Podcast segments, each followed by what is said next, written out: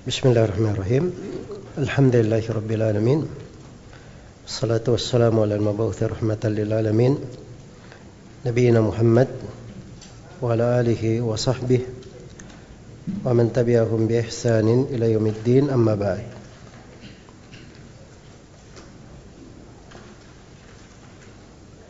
Baik, ini sesi yang ketujuh dari kajian kita membahas kitab At-Tadkirah fi Ulumil Hadith karya Ibnu Al-Mulakkin rahimahullahu taala.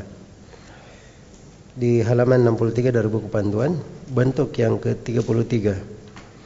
Sifat rawi hadith. Kata beliau wa sifatur rawi wa huwa al-adlu dhabit. Dan sifat seorang rawi Rawi itu adalah adil dan tabit. Ya. Kalau berbicara tentang sifat rawi sesuai dengan bahasa penulis di sini, maka yang beliau maksud adalah rawi yang diterima haditnya, sifat rawi yang diterima haditnya. Tapi kalau berbicara tentang arwat secara umum, dari sisi dia diterima atau tidak haditnya maka ini masuk di pembahasan al-jarh wa ta'dil yang akan disebut oleh penulis setelah ini. Iya. Jadi wasifatur rawi, sifat ar-rawi di situ pakai alif lam. Maksudnya rawi al-maqbul. Itu dia harus al-adl ad-dhabit. Ada dua kriteria. Al-adalah itu kembali kepada agama dan dhabat kembali kepada hafalan dan kembali kepada keabsahan riwayat. Al-adalah sudah kita definisikan malakatun tahmilul mar ala mulazamati taqwa wajitinab asbabil fiski wa khawarimul muru'ah. Dia adalah pembawaan yang membawa seseorang itu untuk selalu bertakwa kemudian bisa meninggalkan sebab kefasikan dan hal-hal yang bertentangan dengan muru'ah. Iya. Baik. Itu al-adl. Adapun ad-dhabit kemarin sudah diterangkan dhabat ada berapa? Ada dua. Ada dhabtu kitab dan ada dhabtu as-sadr. Iya. Jadi seorang rawi yang diterima itu terpenuhi syarat ini. Al-adalah dan ad-dhabt dia di hadits sahih atau di hadits hasan itu kembali kepada dhabatnya. Ya, kalau dia tam dhabat, dhabatnya sempurna, maka ini dia disebut sebagai hadits yang sahih. Tapi kalau qasir dhabat, dhabatnya qasir tidak luas, maka ini disebut sebagai hadits apa? Hadits yang hasan. Nah, baik. Jadi ini terkait dengan rawi. Di sini penulis berbicara tentang apa? Tentang rawi itu. Iya. Baik. Kemudian rawi itu dari adalah dia harus muslim ya kalau dia adalah muslim. Sebab kalau kafir kafir tidak diterima riwayatnya. Tidak diterima riwayatnya ketika ada ketika menyampaikan. Adapun tahammul tidak ada masalah. Jadi ketika dia kafir dia dengar hadith misalnya. Nah, begitu dia masuk Islam dia sampaikan tidak ada masalah. Karena Jubair bin Mut'im radhiyallahu taala anhu beliau mendengar Nabi membaca surat Tur di sholat maghrib. Nah, waktu itu beliau masih kafir. Begitu beliau masuk Islam, beliau menceritakan hal tersebut. Ya, dan berjalan riwayat-riwayat diterima. Adapun akil ya memang harus diterima dari orang yang waras. Kalau tidak waras tidak syah riwayatnya. Balik, nah ini balik akan dibahas nanti. Tentang tidak mesti dia balik. Yang penting dia mumayyiz. Iya. Kemudian apakah dia harus hur merdeka? Jawabannya tidak mesti. Rawi itu tidak mesti dia merdeka. Iya. Dan disyaratkan itu pada rawi. Baik. Kemudian setelah itu terkait dengan sifat rawi itu banyak ya yang perlu dibahas. Tapi penulis di sini kelihatannya beliau menginginkan pembahasan sifat rawi yang diterima. Dan banyak dari pembahasan yang akan datang di sini ini terkait dengan rawi-rawi. Ya, hal yang terkait dengan rawi tersebut dari sisi penamaan, penisbatan, dari sisi kelahiran, wafat dan sebagainya. Baik. Kemudian bentuk yang ke 34 tentang al-jarh wa ta'dil. Kata beliau wa yadkhulu fihi ma'rifatu al-jarh wa ta'dil. Ma'rifat al-jarhi wa ta'dil. Iya. Dan ini termasuk ilmu yang paling penting di dalam ulumul hadith. Ilmu hadith. Dan dikhususkan oleh para ulama buku-buku yang menulis karena rawi itu ada yang disepakati dia muaddal disepakati bahwa dia adalah rawi yang terpercaya, diterima dan ada rawi yang disepakati dia majruh rawi yang ditolak riwayatnya rawi yang dicela oleh para ulama Dada rawi yang berputar antara celaan dan pujian. Ada yang memujinya, ada yang mencelanya. Kalau dia disepakati ditakdil, maka ini diterima riwayatnya. Kalau dia disepakati dijarah, maka ini ditolak riwayatnya. Iya. Kalau dia diperselisihkan, maka ini namanya pembahasan ta'arud al-jarh wa ta'dil. Kalau terjadi pertentangan di dalam jarh dan ta'dil. Yang mana yang didahulukan? Itu ada kaidah-kaidahnya. Itu ada kaidah-kaidah di dalam hal tersebut. Baik. Dan ini tentunya kita tidak bisa uraikan di sini. Kemudian di dalam jarh wa ta'dil itu ada memahami al-fadhut ta'dil, lafaz ta'dil yang dipakai oleh para ulama. Ya kalau rawi itu dipuji, bagaimana lafaz pujiannya? Kalau dia dijarah, bagaimana lafaz jarahnya? Bagaimana lafaz jarahnya? Nah, ini ada maratib namanya, ada tingkatan. Ya kalau Ibnu Hajar beliau bagi menjadi 12 tingkatan semuanya. Untuk takdilnya 6 dan untuk jarahnya 6. Ya. Ada pembagiannya Ibnu Abi Hatim dan ada pembagian apa namanya uh, yang lainnya. Jadi yang seperti ini uh, di dalam memposisikan dia di mana tingkatannya, ini kita harus memahami ucapan ulama di dalam hal itu. Iya. Dan di pembahasan jarh wa ta'dil memahami kalimat-kalimat ta'dil itu uh, penting ya seperti lafaz syekh misalnya. Kalau lafaz syekh itu di penggunaan ulama jarh wa ta'dil itu dihukum riwayat orang yang agak lembek riwayatnya. Iya. Dia kalau bersendirian haditnya tidak diterima. Harus ada yang mendukungnya di lafaz syekh. Jelas ya? Tapi beda dengan sarang kalau disebut syekh itu artinya dia berilmu. Kan begitu. Tapi kalau hanya di masa dahulu syekh itu dia di tingkatan orang yang tidak begitu masyhur atau riwayatnya tidak begitu kuat. Nah, ini hal-hal yang seperti ini perlu diketahui. Misalnya kalau dikatakan salih, salih itu tidak dihasankan haditnya, tapi dia salih lil atau salih lil syawahid wal mutabaat. Dia layak untuk didukung kalau ada pendukungnya diterima. Ya, ada hasanul hadith, saduk. Ya. Ini kalimat-kalimat menunjukkan dia di pertengahan haditnya. Ada derajat yang sahih. Misalnya dia rawi yang thiqah, thabat, hafid. Nah, ini menunjukkan tingkatan sahih. Ada yang lebih tinggi. Kalau diulangi dengan dua kali misalnya seperti thiqatun thiqah, thiqatun thabat, thiqatun hafid. Ha? Yang semisal dengannya. Ada lebih tinggi lagi dari ya. Misalnya dikatakan Amirul Mukminin fil hadid, ilaihil muntaha fil hifd. Hah? Ilaihil muntaha fil hifd. Hal-hal yang seperti ini ringan, mudah dipahami, sisa diketahui tingkatan-tingkatannya. Hanya saja ada sebagian kalimat dari bahasa-bahasa yang dipakai oleh para ulama uh, para ulama ahli hadith itu perlu didetailkan. Dia menginginkan makna jarah atau makna takdil di situ.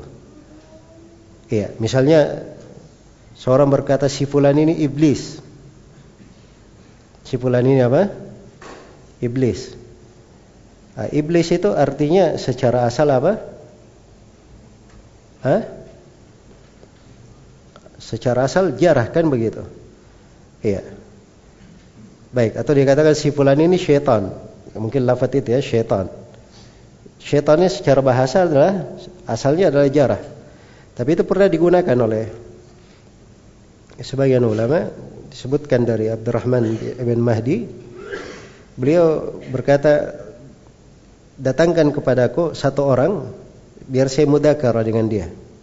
Maka didatangkanlah Yahya bin Said Al-Qattan. Ya. Maka terlihat lautan Yahya bin Said Al-Qattan ini. Maka Abdurrahman bin Mahdi berkata kepada orang-orang yang mendatangkan, saya bilang kepada kalian datangkan manusia, kalian datangkan syaitan kepada saya. Maksudnya ini orang luar biasa hafalannya, nggak tahu dari mana dia hafalannya banyak seperti itu. Jadi ini lahirnya jarah, tapi yang diinginkan adalah apa? Adalah ta'dil itu tampak dari kisahnya. Ya, hal-hal yang seperti ini yang kadang perlu di apa namanya? dirapikan di dalam pembahasan jarh wa ta'dil. Demikian pula di dalam tingkatan maratib uh, kekuatan dari sisi lemah. Beda antara orang yang dikatakan laisa bil qawi dengan laisa bi qawi. Itu beda. Kalau laisa bil qawi pakai alif lam bil qawi. Ya. Alif lam di situ lil kamal. Maksudnya dia tidak sempurna kekuatannya. Dia dhaif. Tapi masih bisa dijadikan pendukung. Tapi kalau laisa biqawiyin, ah, ini dhaif jiddan, dia lemah sekali, tidak bisa dijadikan pendukung. Ah, itu cuman beda alif lam tapi beda tingkatan. Beda tingkatan. Maka itu sebagian hal yang mungkin perlu dirinci. Dan ini ada ilmunya tersendiri ya. Ini ada buku-buku khusus dipelajari. Jadi untuk orang yang belajar mustalah, setelah dia belajar mustalah secara umum, ada hal-hal tertentu yang mesti dia pelajari secara khusus. Seperti tadi ilalul hadith itu perlu dipelajari secara khusus. Ya, seperti ini ilmu jarh wa ta'dil itu dipelajari secara khusus lagi. Bidang jarh wa ta'dil. Jelas ya? Baik. Jadi ini mungkin saya beri ringkasan untuk al-jarh wa ta'dil sampai di situ saja. Iya. Kemudian bentuk yang ke-35. Penjelasan waktu mendengar hadis. Ya, ini tentang kapan rawi itu dia bisa mendengar. Kata beliau bayanu sinnis samai wa huwa tamyiz wa yahsulu lahu fi khamsin ghaliban. Dan penjelasan tentang usia seorang rawi itu mendengar. Ya, kapan dia boleh mendengar hadis?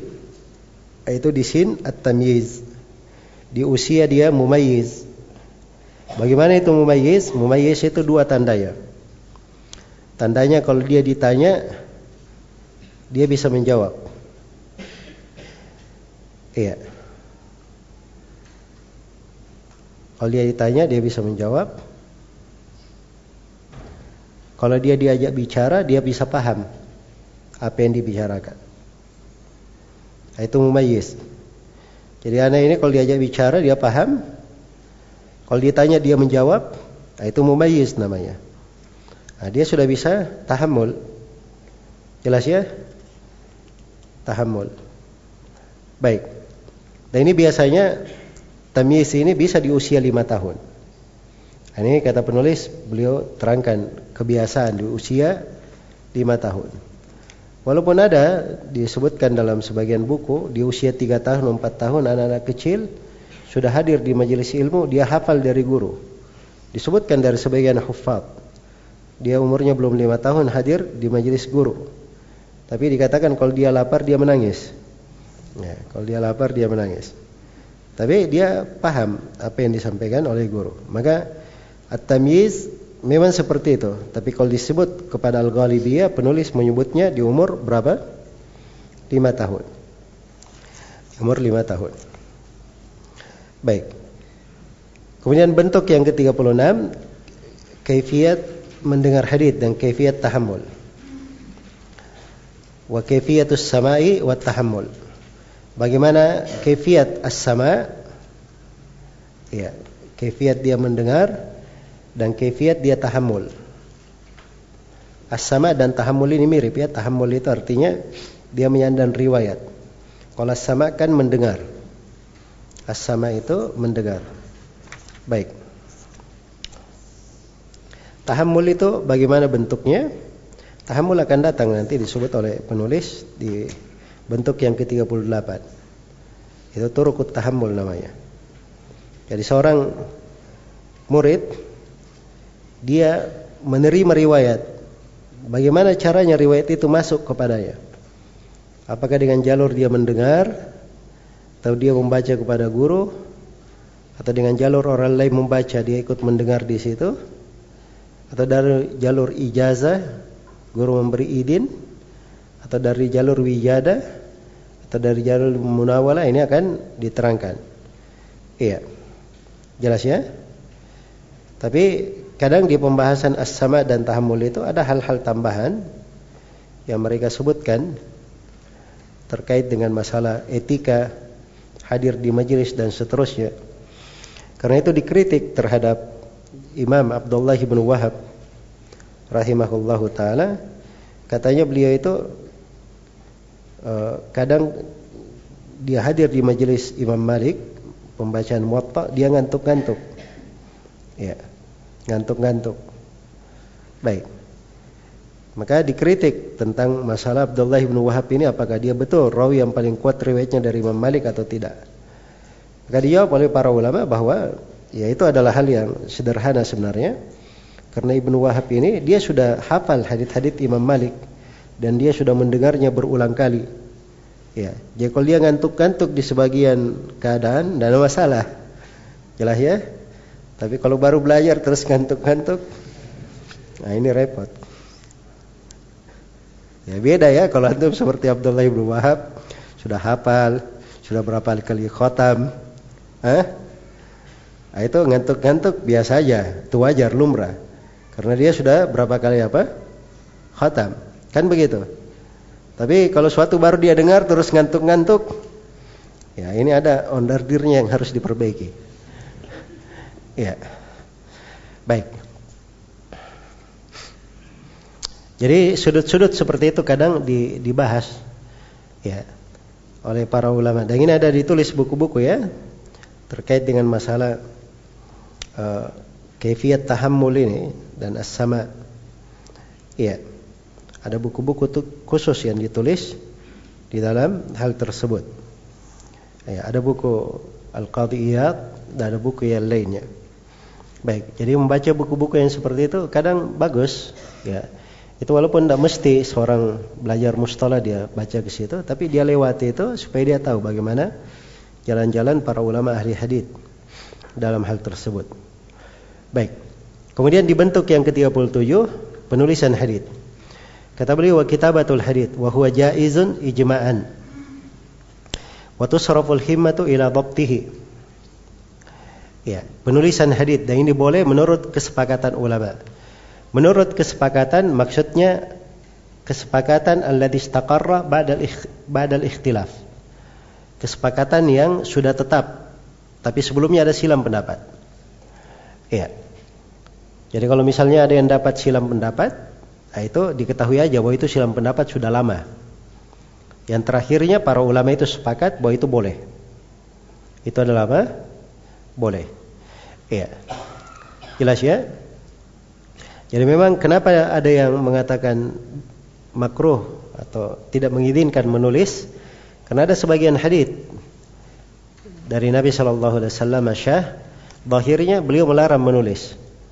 La taktubu anil hadith gira al-Quran. Jangan kalian tulis dariku hadith atau sesuatu apa pun kecuali Al-Quran. Iya. Baik. Dibangun di atas itu sebagian ulama berpendapat tentang makruhnya atau tidak bolehnya. Tapi itu sudah lama ya. Dan waktu itu dijawab oleh para ulama bahwa ini hadith ini kaitannya ketika dikhawatirkan bercampur antara penulisan Al-Quran dan penulisan apa? Penulisan hadith. Ya, sehingga bisa saling masuk. Tapi setelah semuanya jelas, Al-Quran sudah jelas, hadith sudah jelas, itu nggak ada masalah. Buktinya Abdullah bin Amr bin As juru tulisnya Nabi. Dan dia minta izin kepada Nabi menulis apa yang keluar dari mulut Nabi. Nabi izinkan. Dan Nabi SAW bersabda kepada para sahabat, Uktubu li Abi Syah. Tulislah tulisan untuk Abu Syah. Ya maksudnya tuliskan hadith-hadith beliau untuk siapa? Abu Syah. Ya menunjukkan bahwa penulisan itu ada. Ya kalau di tinjau kepada sebab-sebab yang menganggap masalah di penulisan, nah itu kembali kepada sebab-sebab tertentu, bukan larangan secara mutlak. Karena itu yang disebut oleh penulis di sini tidak ada masalah ya bahwa penulisan hadis itu setelah itu menjadi ijma bahwa itu adalah boleh. Ya. Dan memang kenyataannya sekarang buku-buku hadis semuanya sudah tertulis. Buku-buku hadis semuanya sudah apa? Tertulis. Jadi sekarang itu tidak ada lagi yang namanya hadith cuman dihafal oleh para rawi. Itu nggak ada lagi. Sekarang itu yang ada semuanya sudah dibukukan hadith-hadith. Kalau di masa dahulu ya, ada sebagian hadith itu cuman ada di dada para ulama, para rawi. Jadi harus diambil dari rawi itu baru dia dapatkan.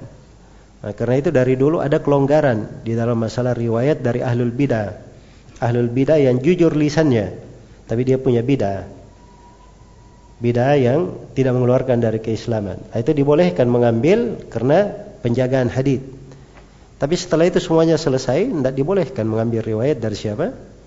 Ahlul bidah. Apalagi ahlul bidah yang lisannya dusta. Jelas ya? Itu memang dari dahulu tidak ada yang membolehkannya. Baik. Iya. Jadi ini sekilas tentang penulisan hadith. Jadi ketika hadis ini sudah ditulis dan sekarang sudah dibukukan, ya maka seseorang itu apa namanya uh, memalingkan seluruh himmanya untuk mentobat. Nah, ini di sini beliau sebutkan tusraful himmatu ila dhabtihi. Dipalingkan himma untuk mentobatnya. Nah, itu yang penting saya. Jadi buku-buku sudah ada, tulisan sudah ada. Sisa bagaimana dia dhabat bacaannya. Sebab ini yang di buku yang tertulis bagaimana cara membacanya, bagaimana harokatnya dan seterusnya. Nah, itu himma dipalingkan ke sana. Di dalam mentobatnya. Nah, asalnya di dalam mentobat itu seorang duduk kepada guru. Seorang duduk kepada guru. Jelas ya? Baik. Dari guru dia dengar tobatnya.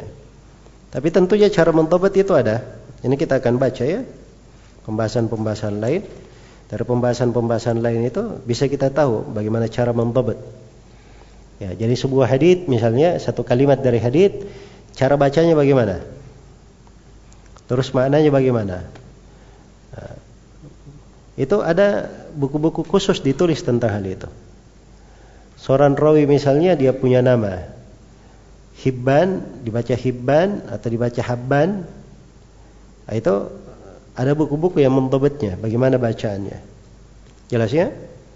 Seorang misalnya dia punya nasab, cara membaca nasab itu bagaimana? Nah, itu ada buku-buku tentang ansab, khusus nasab-nasab semuanya. Ya, dia tinggal di negeri mana? Nah, itu ada babat tentang negeri-negeri. Ada buku-buku ditulis di situ. Seperti misalnya kitab Mu'jamul Buldan. Ya, ini Mu'jam negeri-negeri kaum muslimin yang di apa namanya para rawi hidup di situ. Jadi kalau ada rawi yang bernisbat ke sebuah negeri, cari di buku itu akan ketemu nanti cara mentobat negerinya, sehingga dia tidak salah baca, tidak salah baca. Jelas ya? Jadi cara mentobat itu semuanya ada lengkap, lengkap. Karena itu seorang apa namanya uh, yang keliru di dalam membaca, dia tambah satu huruf atau dia tambah tasdid atau dia salah harokat, itu akan kelihatan nanti. Akan kelihatan di kalangan orang-orang yang belajar hadith. Karena babat untuk semua itu sudah ada, sudah lengkap. Jelas ya? Sudah lengkap. Jadi kalau dikatakan salah baca itu hal yang kadang dipermasalahkan di dalam pembahasan apa? Pembahasan hadis. Jadi seorang ahli hadis itu kalau dia keliru di dalam membaca sesuatu, kadang menjadi masalah untuk dirinya. Karena fasilitas yang dengannya dia bisa membenarkan bacanya itu sudah lengkap. Kenapa dia tidak lacak, dia tidak periksa sehingga cara bacanya itu benar. Cara membaca nama, menisbatkan dan seterusnya itu bisa menjadi benar. Jelas ya? Baik, jadi ini ada buku-buku khusus ditulis tentang hal tersebut. Baik, ini tentang kitabatul hadith. Tentang penulisan hadith. Iya. Berikutnya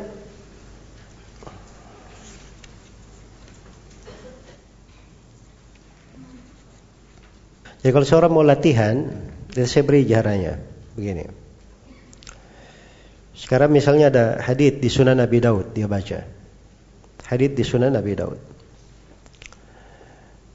Dari hadith di Sunan Nabi Daud ini satu hadith dia lihat dulu seluruh syarah Sunan Nabi Daud yang menjelaskan hadith tersebut. Ya, setelah dia baca syarah Sunan Nabi Daud, dia lihat hadith ini takhrijnya. Ini hadith diriwayatkan siapa? Bukhari Muslim juga meriwayatkannya. Kalau dia riwayatkan oleh Bukhari Muslim, ini lebih luas lagi pembahasannya. Sebab buku-buku yang mensyarah Bukhari dan Muslim lebih banyak. Jelas ya? Kalau dia diriwayatkan juga oleh Tirmidzi, nah dia lihat lagi syarah-syarah Tirmidzi. Nah, dia takhrid. Setelah selesai dia takhrid, buku-buku yang memuat tentang syarahnya dia baca syarahnya. Jelas?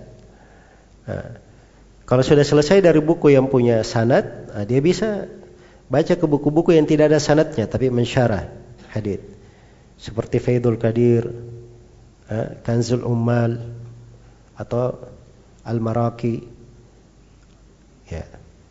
Punya Ali Qari itu Mirqatul Mafatih. Ya. Dan sebagainya dari buku-buku yang mensyarah. Nah, kalau dia sudah baca di situ, itu insya Allah sedikit kekeliruan di dalam memahami hadis. Jarang ada yang keliru memahami hadis kalau dia pakai jalan seperti itu. Tapi kalau dia cuma baca ini lafaz, ya dia baca di sini, misalnya dalam satu hadis tertulis wa aksamu turukir riwayah. Aksam jama dari dari kisim. Kisim itu artinya begini. Dia cuma baca di buku-buku nahwu saja. Jelas ya? Nah, ini dia tidak kuat pemahamannya, akan sempit dan tidak memahami. Baik. Ya kalau dia sudah tandai satu hadis di Sunan Abi Daud, dia tandai saja. Kalau dia punya buku ya, dia tandai di bukunya. Bahwa ini dia sudah pernah baca. Nah, kalau dia sudah baca di syarah yang lain, dia tandai juga di syarah yang lain. Bahwa ini saya sudah pernah baca di Sunan Nabi Daud. Jadi kalau dia lewat, sisa dia rujuk lagi ke tempat yang dia baca. Nah, jadi kalau dia terbiasa dengan metode ini, itu artinya dia biasakan dirinya untuk detail dan jeli. Detail dan apa? Jeli di dalam membahas. Baik. Kenapa ada orang banyak yang salah baca, asal bunyi? Ya, seperti seperti itu dia baca buku, dia hanya lihat di satu di buku itu saja. Dia tidak lihat ucapan para ulama membahas dan menjelaskan isi dari buku itu apa. Iya. Jelas ya? Nah, ini sekarang saya beri syarah-syarah. Kalau kita sudah sampai di tahapan syarah, yang mensyarah ini kan ada sumber rujukannya lagi. Dari mana mereka merujuk? Ya, nah, itu ada buku-bukunya lagi. Kalau dia merujuk lagi ke situ, lebih dalam lagi pembahasannya. Lebih dalam lagi pembahasannya. Tapi ini kan tidak semua orang berada di tingkatan itu. Ya, ini tingkatan orang tertentu. Ya, kadang kalau dia mentahkik masalah, kadang di sebuah syarah disebut begini-begini, ternyata kebanyakan syurah kurang tepat di situ pembahasannya. Ya, harusnya dibahas dengan bahasa lain. Nah, itu tahkik di dalam masalah yang seperti itu itu memang perlu kadar tambahan dari ilmu dan lebih banyak wawasan lagi. Baik. Kemudian bentuk yang ke-38 metode periwayatan. Ya. Kata beliau waksa muturukir riwayah wahiyah thamania. Bentuk-bentuk dari jalan-jalan periwayatan ada delapan. Ya.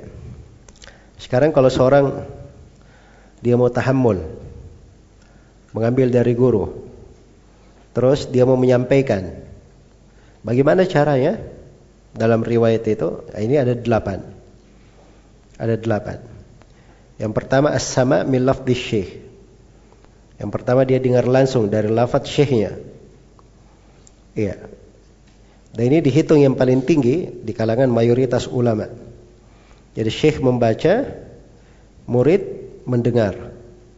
Apakah syekhnya membaca dari hafalannya atau syekh membaca dari bukunya? Sama saja. Apakah si murid mendengar sambil menulis atau dia mendengar saja tanpa menulis? Nah, itu sama semuanya.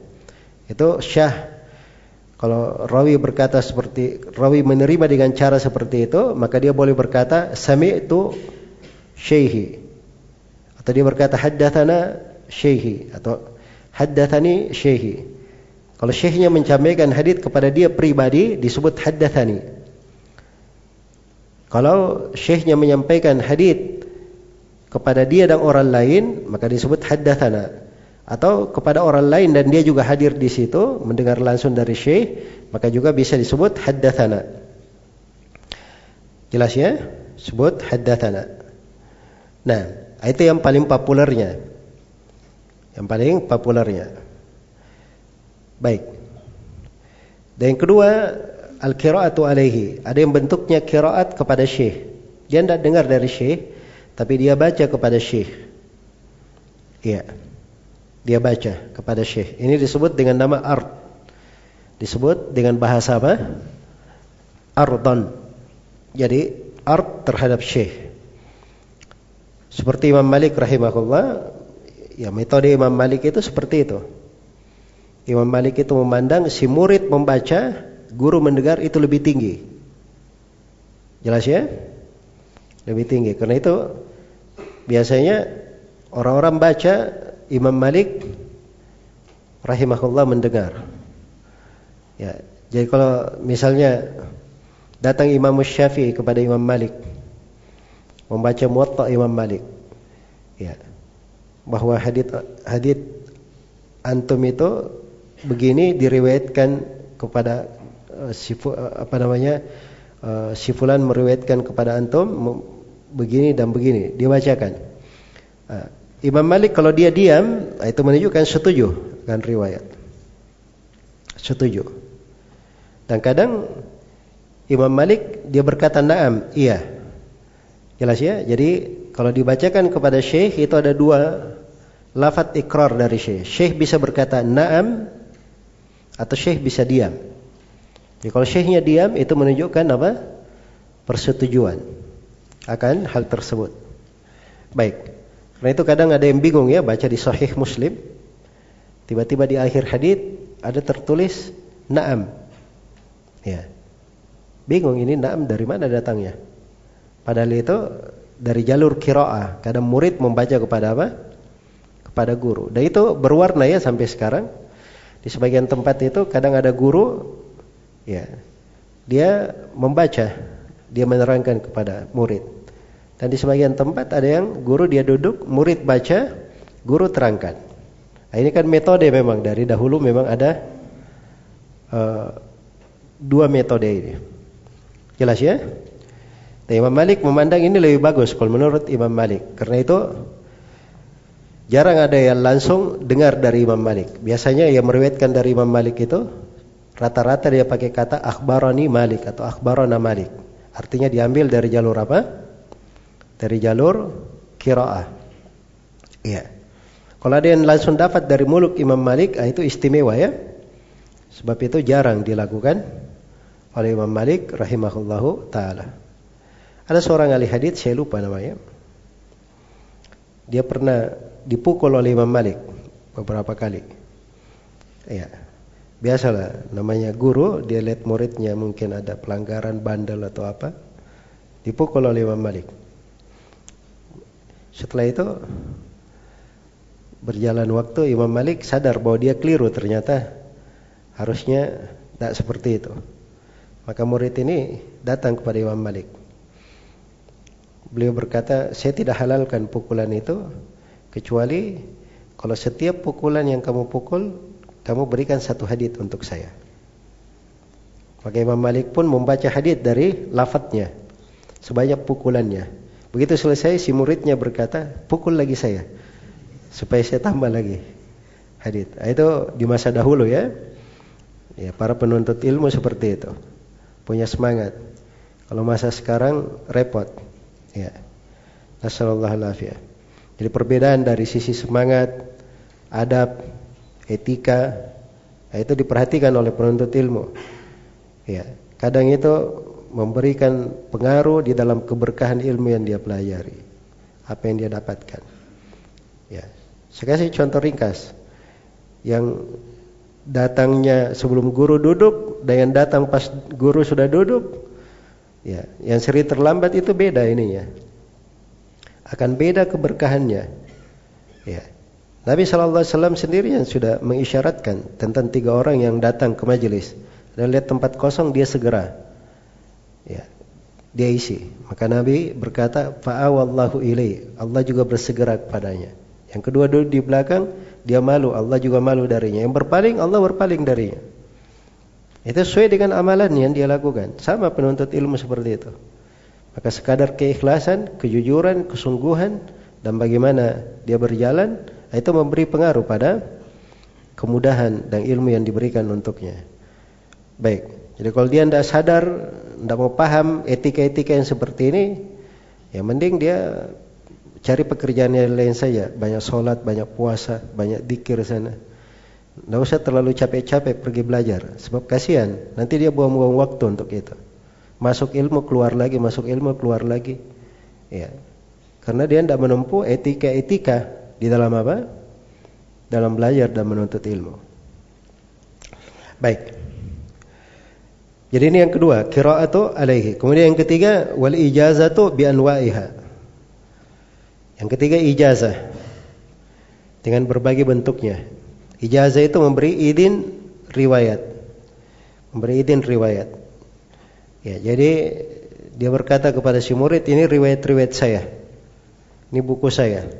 Ambil buku ini riwayatkan dariku. Nah, itu boleh ya, itu turukut tahammul, boleh. Iya. Boleh.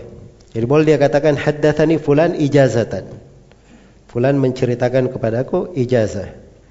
Dan sekarang ini kebanyakan turkut tahammul di masa ini yang bersambung kepada Nabi punya sanad-sanad itu dengan jalur ijazah. Dengan jalur ijazah. Kita kalau ambil dari guru paling kita dengar beberapa hadis atau sebagian hadis, yang lainnya diberi ijazah. Diberi ijazah. Dan itu sebenarnya sudah cukup ya. Karena apa namanya umumnya para guru juga mengambil dengan jalur ijazah. Dan ini untuk menjaga silsilah terjaganya sanat itu di tengah umat ini. Terjaganya sanat di tengah umat ini. Karena cara mentobat riwayat itu sudah lengkap. Sisa dia belajar dari guru siapa pun mentobat riwayat dia sudah lengkap. Adapun kaitannya dengan periwayatan ya bisa dia pelihara dengan jalur ijazah. Baik berikutnya al-munawalah Al-Munawala itu ya seorang guru memberikan dari riwayat-riwayatnya kepada murid. Ya. Dia berikan riwayat-riwayatnya kepada murid. Itu munawala dia berikan. Misalnya dikasih bukunya. Kalau ijazah tadi, ijazah itu idin riwayat. Idin riwayat.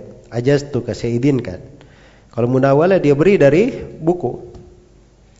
Dia beri dari buku ini buku saya. Nah, buku saya ini kalau dia bilang saya izinkan kamu meriwayatkan ah, itu munawala bil ijazah namanya. Itu yang paling kuat. Dan kadang lebih kuat dari ijazah. Ya.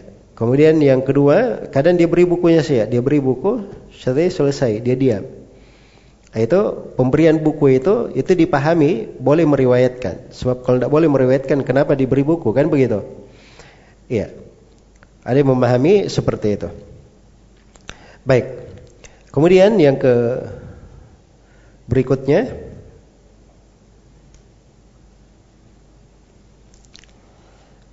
Yang keberapa sekarang? Yang kelima al-mukatabah. Al-mukatabah itu penulisan. Ya, di mana seorang syekh dia menulis riwayatnya kepada orang yang hadir atau orang yang tidak hadir. Ada orang yang hadir misalnya itu riwayatnya. Nah, ini riwayat saya. Kamu riwayatkan dariku. Atau ada orang di negeri lain dia tulis beberapa riwayatnya terus dikirimkan kepada orang itu. Nah, itu mukatabah. Dan mukatabah ini jalur periwayatannya ya syah juga. Baik. Ya. Kemudian yang ke enam al-i'lam. Al-i'lam itu seorang guru mengumumkan, memberitahu kepada murid, ini hadis riwayat saya, ini riwayat saya, ini riwayat saya. Itu i'lam. Iya.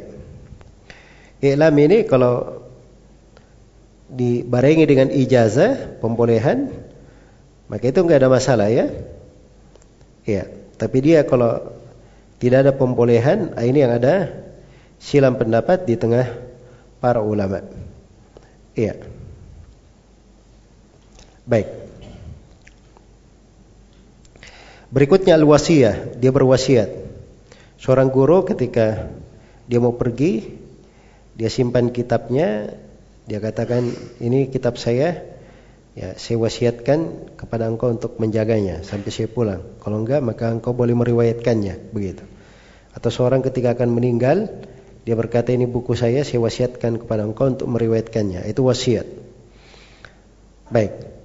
Dan wasiat ini ini uh, dari bentuk tahammul ya. Kalau dia orang yang hadir pada saat wasiat itu nggak ada masalah. Tapi kalau diwasiatkan untuk orang yang belum hadir, misalnya saya wasiatkan untuk saya akan anak saya akan lahir, ya dia berwasiat riwayat, nah ini yang ada silam pendapat di dalam hal tersebut. Dan terakhir ada yang namanya al-wijada. Yang terakhir ada yang namanya al-wijada. Al-wijada itu dia menemukan di mana seorang murid menemukan kitab dengan tulisan syekhnya. Ya, dengan tulisan syekhnya. Maka itu namanya wijada. Ya, wijada ini ya asalnya dia terputus ya karena dia cuma menemukan saya. Cuma menemukan. Ya. Baik. Dan beramal dengan wijada apakah boleh atau tidak? Ini juga letak silam pendapat di tengah ahli hadis. Baik.